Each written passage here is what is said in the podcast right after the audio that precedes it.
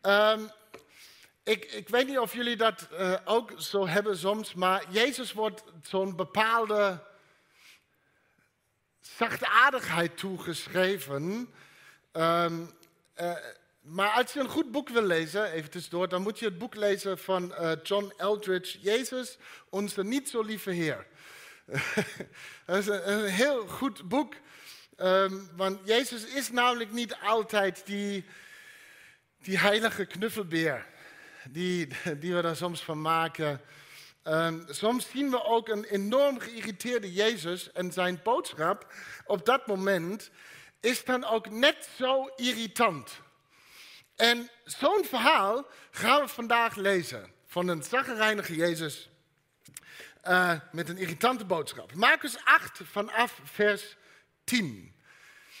Daar staat, meteen daarna, leg straks uit wat daarna betekent, stapte hij met zijn leerlingen, Jezus met zijn leerlingen in de boot en vertrokken naar het gebied van Dalmanutha. Klinkt als een nood. Dalmanutha. Daar kwamen de fariseeën op hem af en ze begonnen met hem te discussiëren. Om hem op de proef te stellen, verlangden ze van hem een teken uit de hemel. En Jezus slakte een diepe zucht en zei: Waarom verlangt u soort mensen een teken? En ik verzeker u, aan mensen als u zal zeker geen teken gegeven worden. En hij liet hen staan, stapte weer in de boot en voer naar de overkant. De leerlingen hadden vergeten genoeg brood mee te nemen. Ze hadden maar één brood bij zich in de boot. En hij waarschuwde hen: Kijk uit, pas op, hoed je voor de zuurdezem van de Fariseeën en voor de zuurdezem van Herodes. En ze hadden het er met elkaar over dat ze geen brood hadden. En toen hij dit merkte, zei hij: Waarom praten jullie erover dat je geen brood hebt? Begrijpen jullie het dan nog niet? En ontbreekt het jullie aan inzicht? Zijn jullie dan zo hardleers? Jullie hebben ogen, maar jullie zien niet. Jullie hebben oren, maar horen niet. Weten jullie dan niet meer hoeveel maanden brood jullie hebben opgehaald toen ik vijf broden brak voor vijfduizend mensen? Twaalf antwoorden ze. En toen ik zeven broden brak voor vierduizend mensen, hoeveel maanden brood hebben jullie toen opgehaald? Zeven antwoorden ze. En toen zei hij, begrijpen jullie het dan nog niet? Dus dit is zo'n verhaal waar we volgens mij een zagrijnige Jezus ontmoeten. Fariseeën die met hem discussiëren en, en tekens willen. En dan die diepe zucht, gevolgd van deze lieve woorden. Waarom verlangt u soort mensen een, een, een teken? Nou, stel je voor dat ik dat een keer zou zeggen tegen jullie. Hè? Waarom heb jij dat nodig, jouw soort?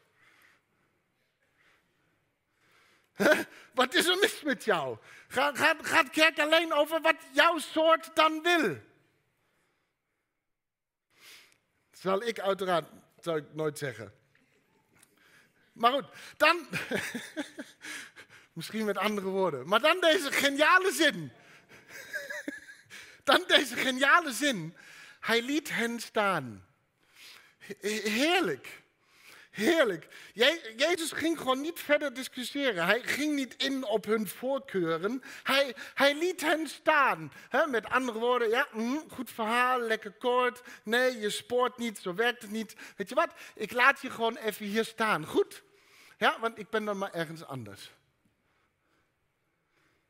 Oh, als, oh, als ik dat met die. Oh, met, als bij mij op gesprek komt om te zeuren en ik zeg: Weet je wat? Blijf jij maar hier even zitten. Ik ga naar huis.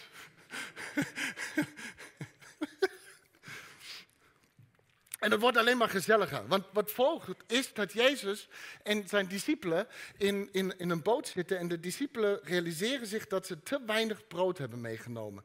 En dit is hilarisch, want Jezus heeft het erover. Want wat voorafgaande aan dit moment had Jezus dus inderdaad net eten vermenigvuldigd. Ja? Dus deze keer was het 4000 mensen. Uh, het is een ander verhaal dan de 5000. Uh, eh, deze keer met zeven broden en een paar visjes. En deze keer was er ook weer wat over. Niet twaalf mannen, maar zeven mannen. Dus zeven mannen vol met leftovers. En de discipelen kregen het voor elkaar om maar één brood broodje mee te nemen. Le- lekker snugger. Dat, dat is wat ik dan denk. En dan lijkt Jezus er iets uit te flappen wat helemaal niks, maar ook echt niks met hun gesprek te maken heeft. Gewoon zo in the middle of nowhere zegt Jezus, kijk uit, pas op. Hoed je voor de zuurdezem van de fariseeën en de zuurdezem van, van Herodes.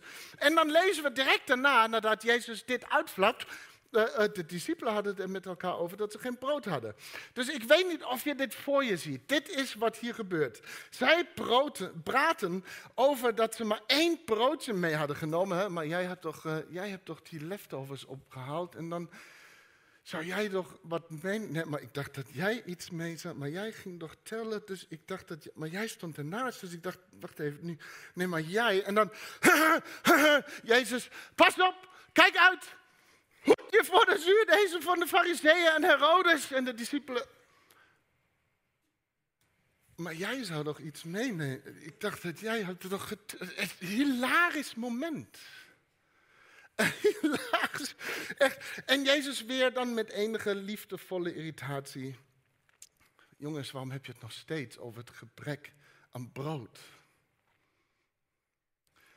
Snap je het dan nog steeds niet? Jullie hebben ogen, maar zien niet. En jullie hebben oren, maar horen niet. Begrijpen jullie het dan nog niet? En het is misschien een moeilijk verhaal om te horen, omdat het een verhaal is waarin Jezus spreekt over hoe moeilijk het is om te horen. Uh, van de week heb ik een plessing uitgestuurd. Uh, uh, daar had ik het ook even over. Over dat stukje kritiek geven op een preek bijvoorbeeld. het is alsof ik jouw getuigenis terugstuur en al je spelfouten heb gecorrigeerd. Je hebt het verhaal gelezen, maar je hebt het niet begrepen en niet gehoord. Het is een verhaal van Jezus, waar het gaat over hoe moeilijk het is om te horen. En dit zou dan zomaar vandaag zomaar een boodschap kunnen zijn die we missen, omdat we gewoon mensen zijn die vaker boodschappen missen en met spelfouten bezig zijn. We zien fariseeën die het niet begrijpen, we zien discipelen die het niet begrijpen. Dus zowel theologisch, zo kun je het zien, zowel theologisch conservatief rechts als progressief links uh, snappen het blijkbaar niet. En in het midden staat een voor ons gevoel een misplaatste en onbegrijpelijke opmerking van Jezus om ons te waarschuwen voor pakspullen van bepaalde mensen. Uh, let op, pas op, hoedje voor de zuurdezem van, van de fariseeën en de, de, de van Herodes. Maar het is blijkbaar juist deze irritante boodschap die we moeten zien en horen en begrijpen. En de rest? Laat maar staan.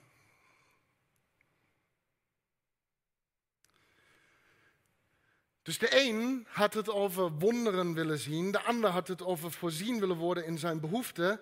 En Jezus heeft het over zuurdesem, over gist. En gist heeft ook een, een, een, een, eigenschap. En dat is ook een irritante eigenschap. Net zoals deze boodschap. Het, uh, gist heeft deze irritante eigenschap dat als je het een keer in een deeg hebt verwerkt, je het er nooit meer uitkrijgt. Ja, uh, uh, je kunt gist niet zomaar weer eruit halen. Je, je, maakt een appeltaart en je hebt te veel appelstukjes erin gegooid, die kun je nog eruit vissen. Denk ik, ik heb nog nooit appeltaart gemaakt.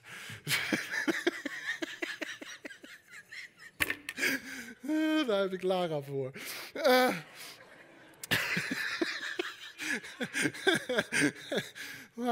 maar, gist kun je volgens mij. Sorry, schat. Um, gist kun je nooit meer uithalen. Het vermengt zich gewoon met, met alles. Dus Jezus wijst ons blijkbaar op iets dat zo doordringend kan zijn in ons leven dat we niet eens merken dat het er is, maar het is er echt wel. Het is als ja, de lucht die we inademen. Het is zo vanzelfsprekend dat het er is. Het is deel van wie we zijn. Dus Jezus zegt, uh, kijk uit, pas op, er is iets enorm doordringends dat jullie niet zien.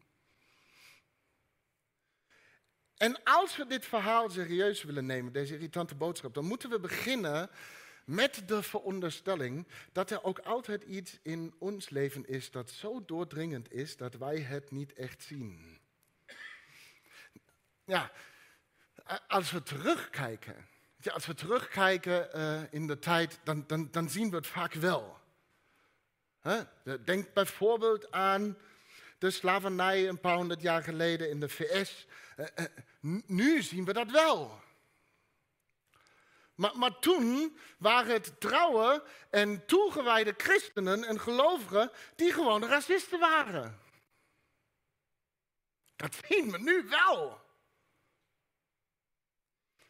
Denk aan de slavenhandel en de kolonisatie door Engeland, Spanje, Nederland en anderen. De, de onderdrukking en, en, en ook het racisme. Eh, dat zien we nu wel, maar de meesten toen waren echt toegewijde christenen. Denk aan de apartheid in Zuid-Afrika. Velen vele waren gewoon keurig Nederlands gereformeerd. Maar wel hartstikke baaien in de heren. Denk aan Nazi-Duitsland in de, in de Tweede Wereldoorlog. En de meesten deden gewoon mee. Nu zien we dat wel. En ik weet niet of jullie wisten, maar ook in Nederland zat niet iedereen in het verzet.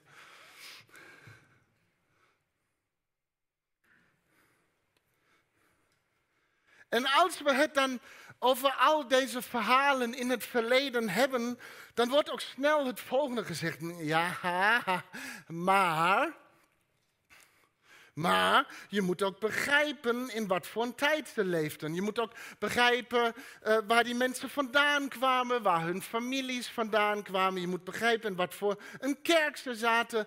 En, en we zeggen het echt niet om het gedrag van onze voorouders te verontschuldigen. Maar het is volgens mij veel meer een poging om het te verklaren. Denk aan de, ken je de film Hotel Rwanda? De, de Rwandese volkerenmoord. Dit gevecht tussen de Hutu en Tutsi. En het moorden was vreselijk, vreselijk. Maar wat bizar is, is dat in Rwanda tot dat moment 90% van de bevolking christen was. En je kijkt ernaar en je kunt niet begrijpen hoe zoiets kon gebeuren. En dan weer, ja, ja maar hè, eh, je moet de geschiedenis tussen de Hutu en de Tutsi begrijpen. Je moet begrijpen hoe het toen zat, politiek gezien. En, en weer, we proberen het niet te verontschuldigen, maar we proberen het te verklaren. Nou, wat heeft dit dan allemaal met gist te maken? Als we dus praten over onze voorouders, onze geschiedenis, gelovigen tijd. En dan zeggen, je moet begrijpen in wat voor een tijd ze leefden. Dan hebben we het vooral over de gist van hun tijd. Nu zien we dat wel.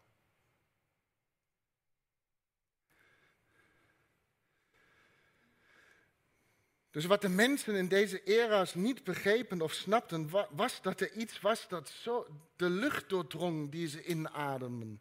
De, de, de liederen doordrong die ze zongen, de gesprekken doordrong die ze voerden. Er was iets wat hen allemaal zo doordrong dat het hen vervolgens gevangen hield in de beeldvormingen van hun tijd. Het was als gist. Alles was ervan doordrongen en ze hadden het niet door. Nu, nu zien we dat wel. Maar achteraf begrijpen we, hè, achteraf begrijpen we altijd. Ja, maar je moet begrijpen, ja, ik begrijp het wel. Maar Jezus, wat een irritante boodschap. Wil dat de discipelen het nu begrijpen en zien.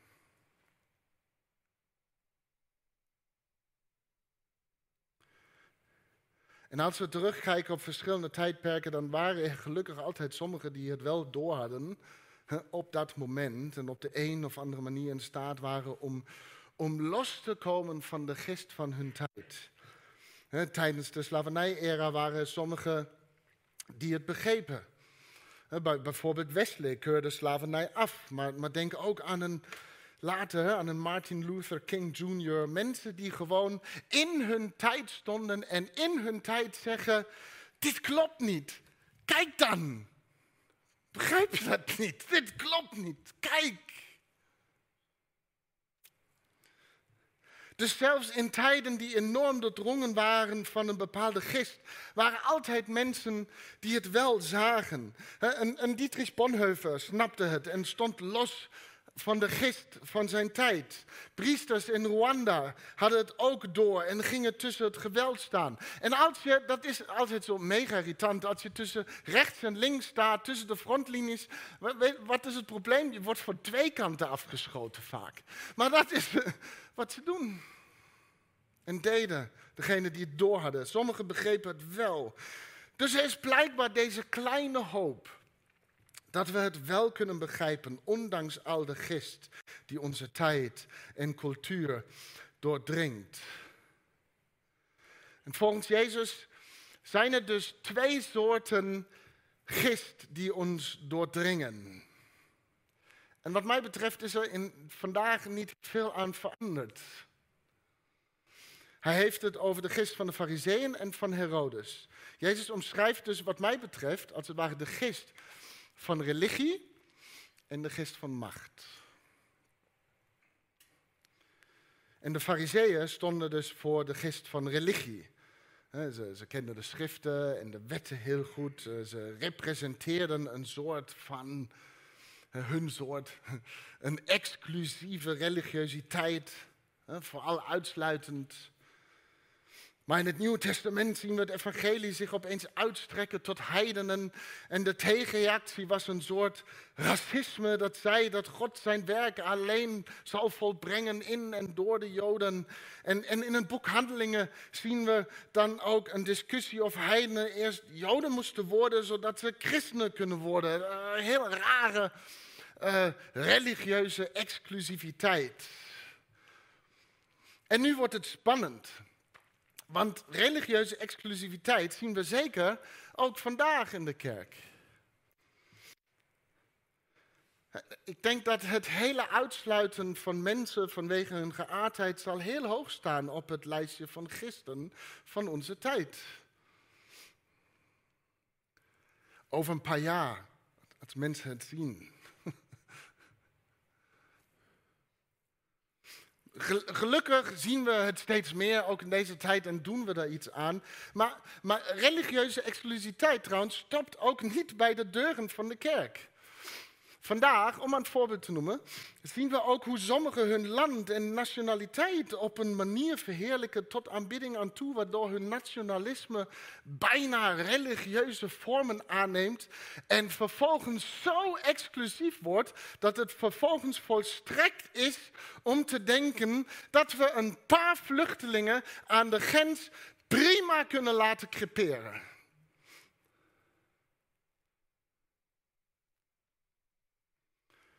Want religieuze exclusiviteit ziet absoluut geen kwaad in eigenbelang en eigenbehoud boven naastenliefde. Het is een gist van onze tijd. Aan de andere kant heb je het gist van Herodes. Het is het gist van macht, van geld, invloed, controle. En, en Herodes liet bijvoorbeeld uh, Johannes de Doper vermoorden om zijn aanzien te bewaren. hoewel hij hem bewonderde. Zijn machtspositie en aanzien waren belangrijker dan zijn overtuigingen. En ik denk dat het hedendaagse populisme komt denk ik het meest in de buurt van deze gist van Herodes. Gewoon maar zeggen wat gehoord wil worden om aan de macht te blijven. Hilarisch soms hoe. Oh, Sorry als ik irriteer, maar het is ook gewoon irritant. Ehm, soms dan zien we een of andere protest uh, weer gaande ergens. En dan opeens staat er ook een of andere poppy van een of andere politieke partij te prullen. Ik heb het altijd al gezegd. Nee. Maar je staat er nu, want het is hartstikke populair om dat nu te prullen. Want iedereen in zijn boosheid zegt, hij zei ook altijd. Gewoon onze integriteit inleveren ten koste van macht. Maar weet je, dus deze gist stopt ook trouwens niet bij de deuren van de Tweede Kamer of uh, de machtshebbers. We, we, hebben bijvoorbeeld, en dat is een beetje meer dan filosofisch, maar we hebben allemaal de neiging om ons alleen te voeden met de dingen die, die, die wij willen horen. We willen vooral bevestiging van, van onze meningen. We willen dat onze mening, de, hier komt het overheersende gedachte, blijft in ons klein wereldje. Want controle, macht houden is onder andere niet moeten dealen met je, met je onzekerheden en ook zeker niet met je onvermogen. Het is een gist van onze tijd. En in sommige kerken lijken we ons een beetje uh, te, te, te verstoppen voor deze vergiste realiteiten. We willen het niet zien en zeker niks over horen. En elke opmerking erover, uh, ook van Jezus, is misplaatst. Is, is gewoon irritant, mega irritant. en ook hier. Hebben irritante opmerkingen geleid tot het opzeggen van lidmaatschappen. Zo'n gist van onze tijd. De gist is overal en doordringt zoveel van wie we zijn. Dat het soms ook gewoon te confronterend is. Gewoon irritant als je erover begint. Kost me ook te veel om het anders te doen. Ik denk dat ik het wel weet eigenlijk ten diepste weg dat anders zou kunnen, maar te irritant.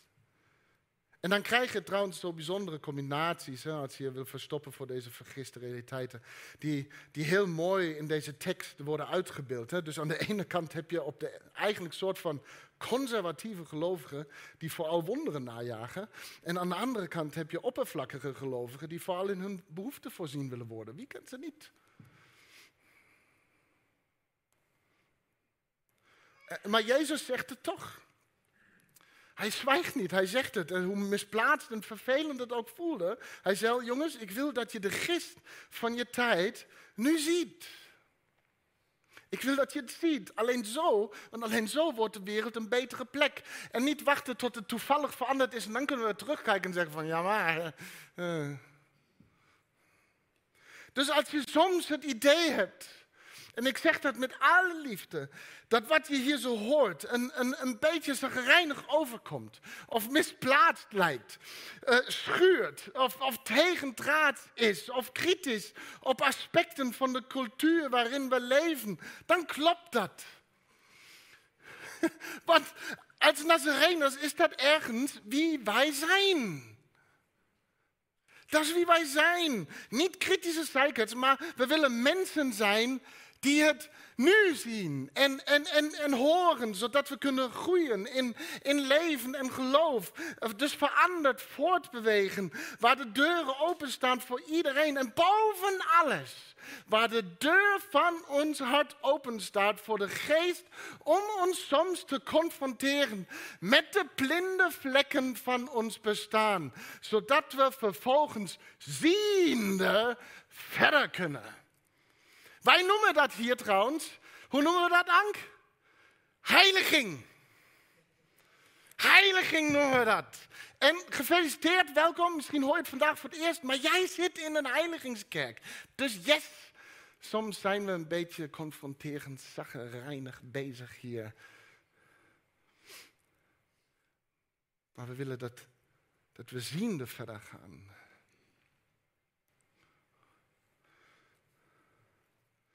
Dus misschien voel je je soms aangevallen. Misschien voel je je soms beledigd. Misschien voel je soms eh, voel je de irritatie omhoog komen. En ik denk dan, goed zo, geweldig, ga de confrontatie dan maar aan met dat gevoel. En, en ren niet weg van een gelegenheid om meer nieuwe schepping te zijn.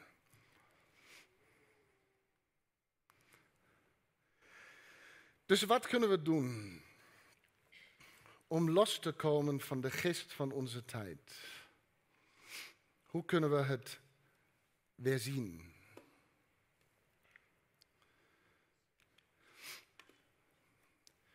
Een van de redenen waarom een, een Bonhoeffer of Wesley van sommige dingen, sommige dingen zeg bewust, sommige dingen van hun tijd losstonden, had te maken met het feit dat ze toestonden dat anderen hen aansprakelijk hielden. Wesley vond dit essentieel voor, voor alle kringen die, die ontstonden door zijn bediening. En, en Bonhoeffer leefde in een gemeenschap waarin beleiden deel was van hun bestaan als community. Eh, Bonhoeffer zei een keer dat we vaak liever in ons eentje naar een heilige God beleiden in plaats van iemand die net zo zondig is als ik. Hoe gek is dat? Want uh, blijkbaar is het, doen we dat liever, want dan kunnen we namelijk maar een paar gebeden de lucht ingooien en vervolgens onszelf vergeven. Daarom hoor je mij ook altijd zeggen dat zonde altijd relationeel is. Het is schade toegebracht aan een ander. als ik jou in het gezicht sla en dan kan ik in mijn kamertje zeggen: Heer, het spijt me, zit jij nog steeds met een handafdruk op je wang. Maar het is relationeel.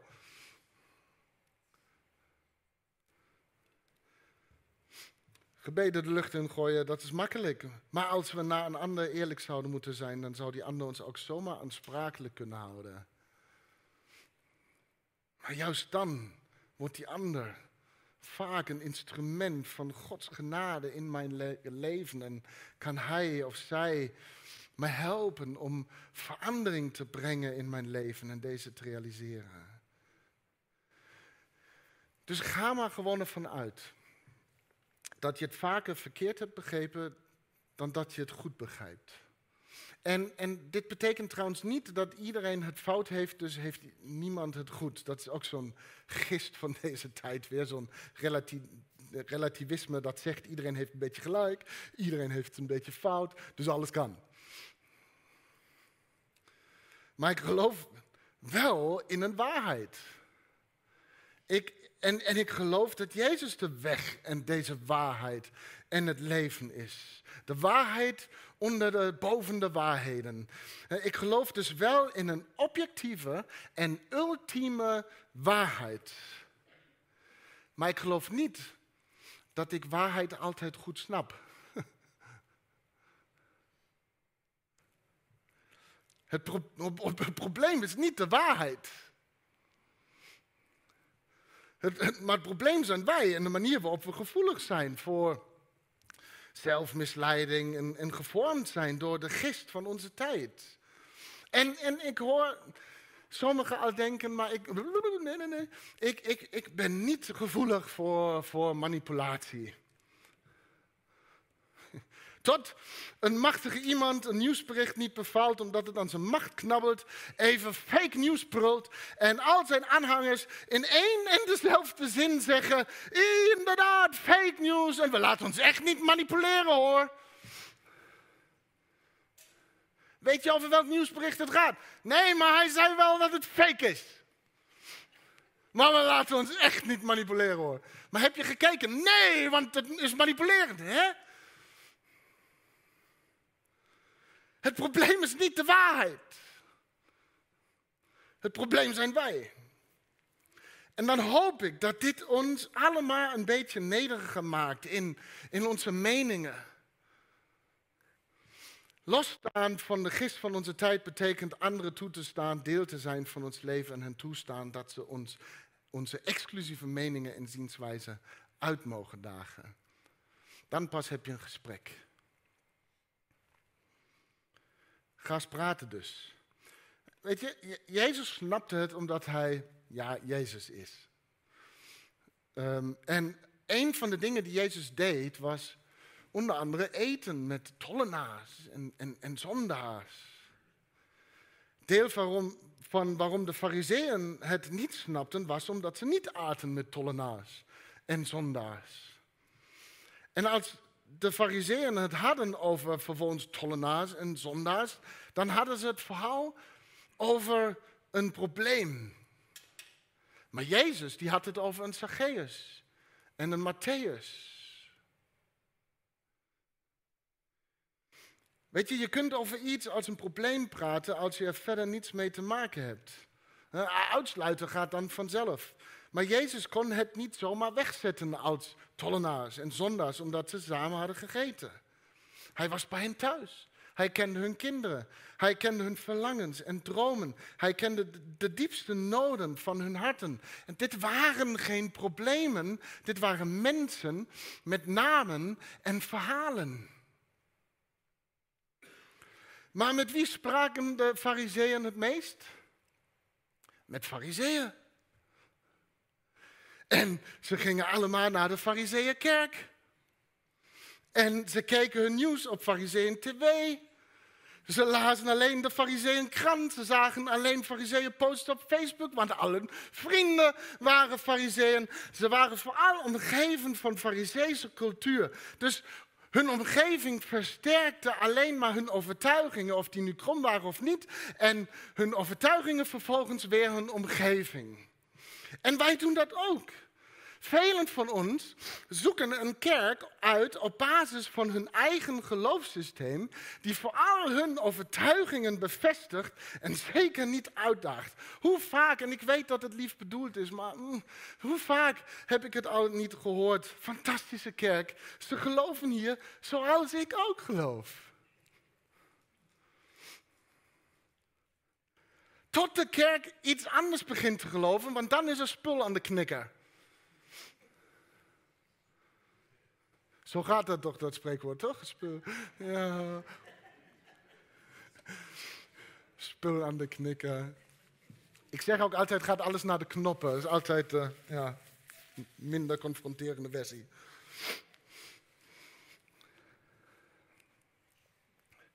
Weet je, ik heb een kind, ik weet niet hoe dat uitziet. Trouwens, ah, oké.